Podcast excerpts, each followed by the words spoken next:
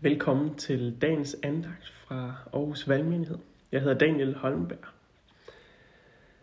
I dag der vil jeg læse fra Esajas bog, kapitel 45. Det er nemlig den gamle testamente læsning til på søndag. Og det handler om vores forhold til Gud. Hvad er sand Guds frygt, og hvad vil sige at stole på Gud og have tillid til ham. Ja. Jeg øh, vil læse fra vers 5. Jeg er Gud. Jeg er den eneste. Der findes ingen anden Gud end mig. Jeg giver dig din styrke for, at hele verden skal vide, at der ikke findes nogen anden Gud end mig. At jeg er Gud, den eneste. Jeg skaber lys, og jeg skaber mørke. Jeg skaber fred, og jeg skaber ulykke. Jeg står bag alt. Det skal begynde at regne fra skyerne. Retfærdigheden skal strømme ned fra himlen. Jorden skal åbne sig, så befrielsen kan gro frem som en plante. Og retfærdigheden kan spire frem som en blomst. Det er mig, der skaber det hele. Men jeg lover jer, at det skal ende grusomt for den, der anklager sin skaber. Mennesket er jo bare et potteskår blandt mange. Kan kroppen spørge pottemæren, hvad er det dog, han laver? Kan leret kritisere pottemæren? Det skal ende grusomt for den, der belærer sine forældre og siger til sin far, hvad i verden er det for et barn, du har fået? Og til sin mor, hvad er nu det, du har født?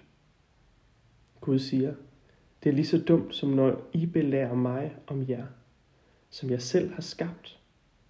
Det er mig, der har formet jorden og skabt menneskene på den. Med mine egne hænder har jeg udspændt himlen, og jeg bestemmer over solen, månen og stjernerne. Her beskrives Gud som noget helt andet end os mennesker. Gud, han er Gud, og vi er bare potteskår eller lærkar i hans hånd. Så hvordan kan vi være i relation til ham? Guds storhed og Guds magt, det kommer til udtryk og bliver beskrevet i den her, øh, det her afsnit igennem Gud som skaber. At det er ham, der står bag alting. Det er Gud, der skabte lys og mørke. Og Gud, han er så anderledes end os. Han er hellig. Så hvis der er noget, vi skal frygte på jorden, så må det være ham men samtidig er Gud mild og kærlig. Og derfor så må vi have tillid til ham. Når vi læser igennem Bibelen, så får vi at vide, at der er intet andet, vi skal frygte. Uanset hvor forfærdeligt og skræmmende det, vi står overfor, kan være, så øh, har Gud magt over det. Og derfor er det Gud, vi må have tillid til. Det er ham, vi må stole på uanset hvordan eller hvor tiltalende andet kan være, så øh, er det ham, der har magt til at ændre på noget. Og når man kigger ud i verden, så er der mange ting, man kan frygte. Krig kommer tæt på, det breder sig. Mm. Og hvis man ikke kender eller tror på en almægtig Gud, så er det virkelig skræmmende. Men Gud, han har skabt det hele. Han har alt i sin hånd. Og når vi møder og står over for udfordringer, så kender Gud til det. Og derfor må vi have tillid til, at han som skaber og som former af vores liv, som øh, en potte med sidder med en klump ler, så må vi øh, lægge det over til ham. Derfor vil jeg gerne bede til ham. Gud, du som kender os.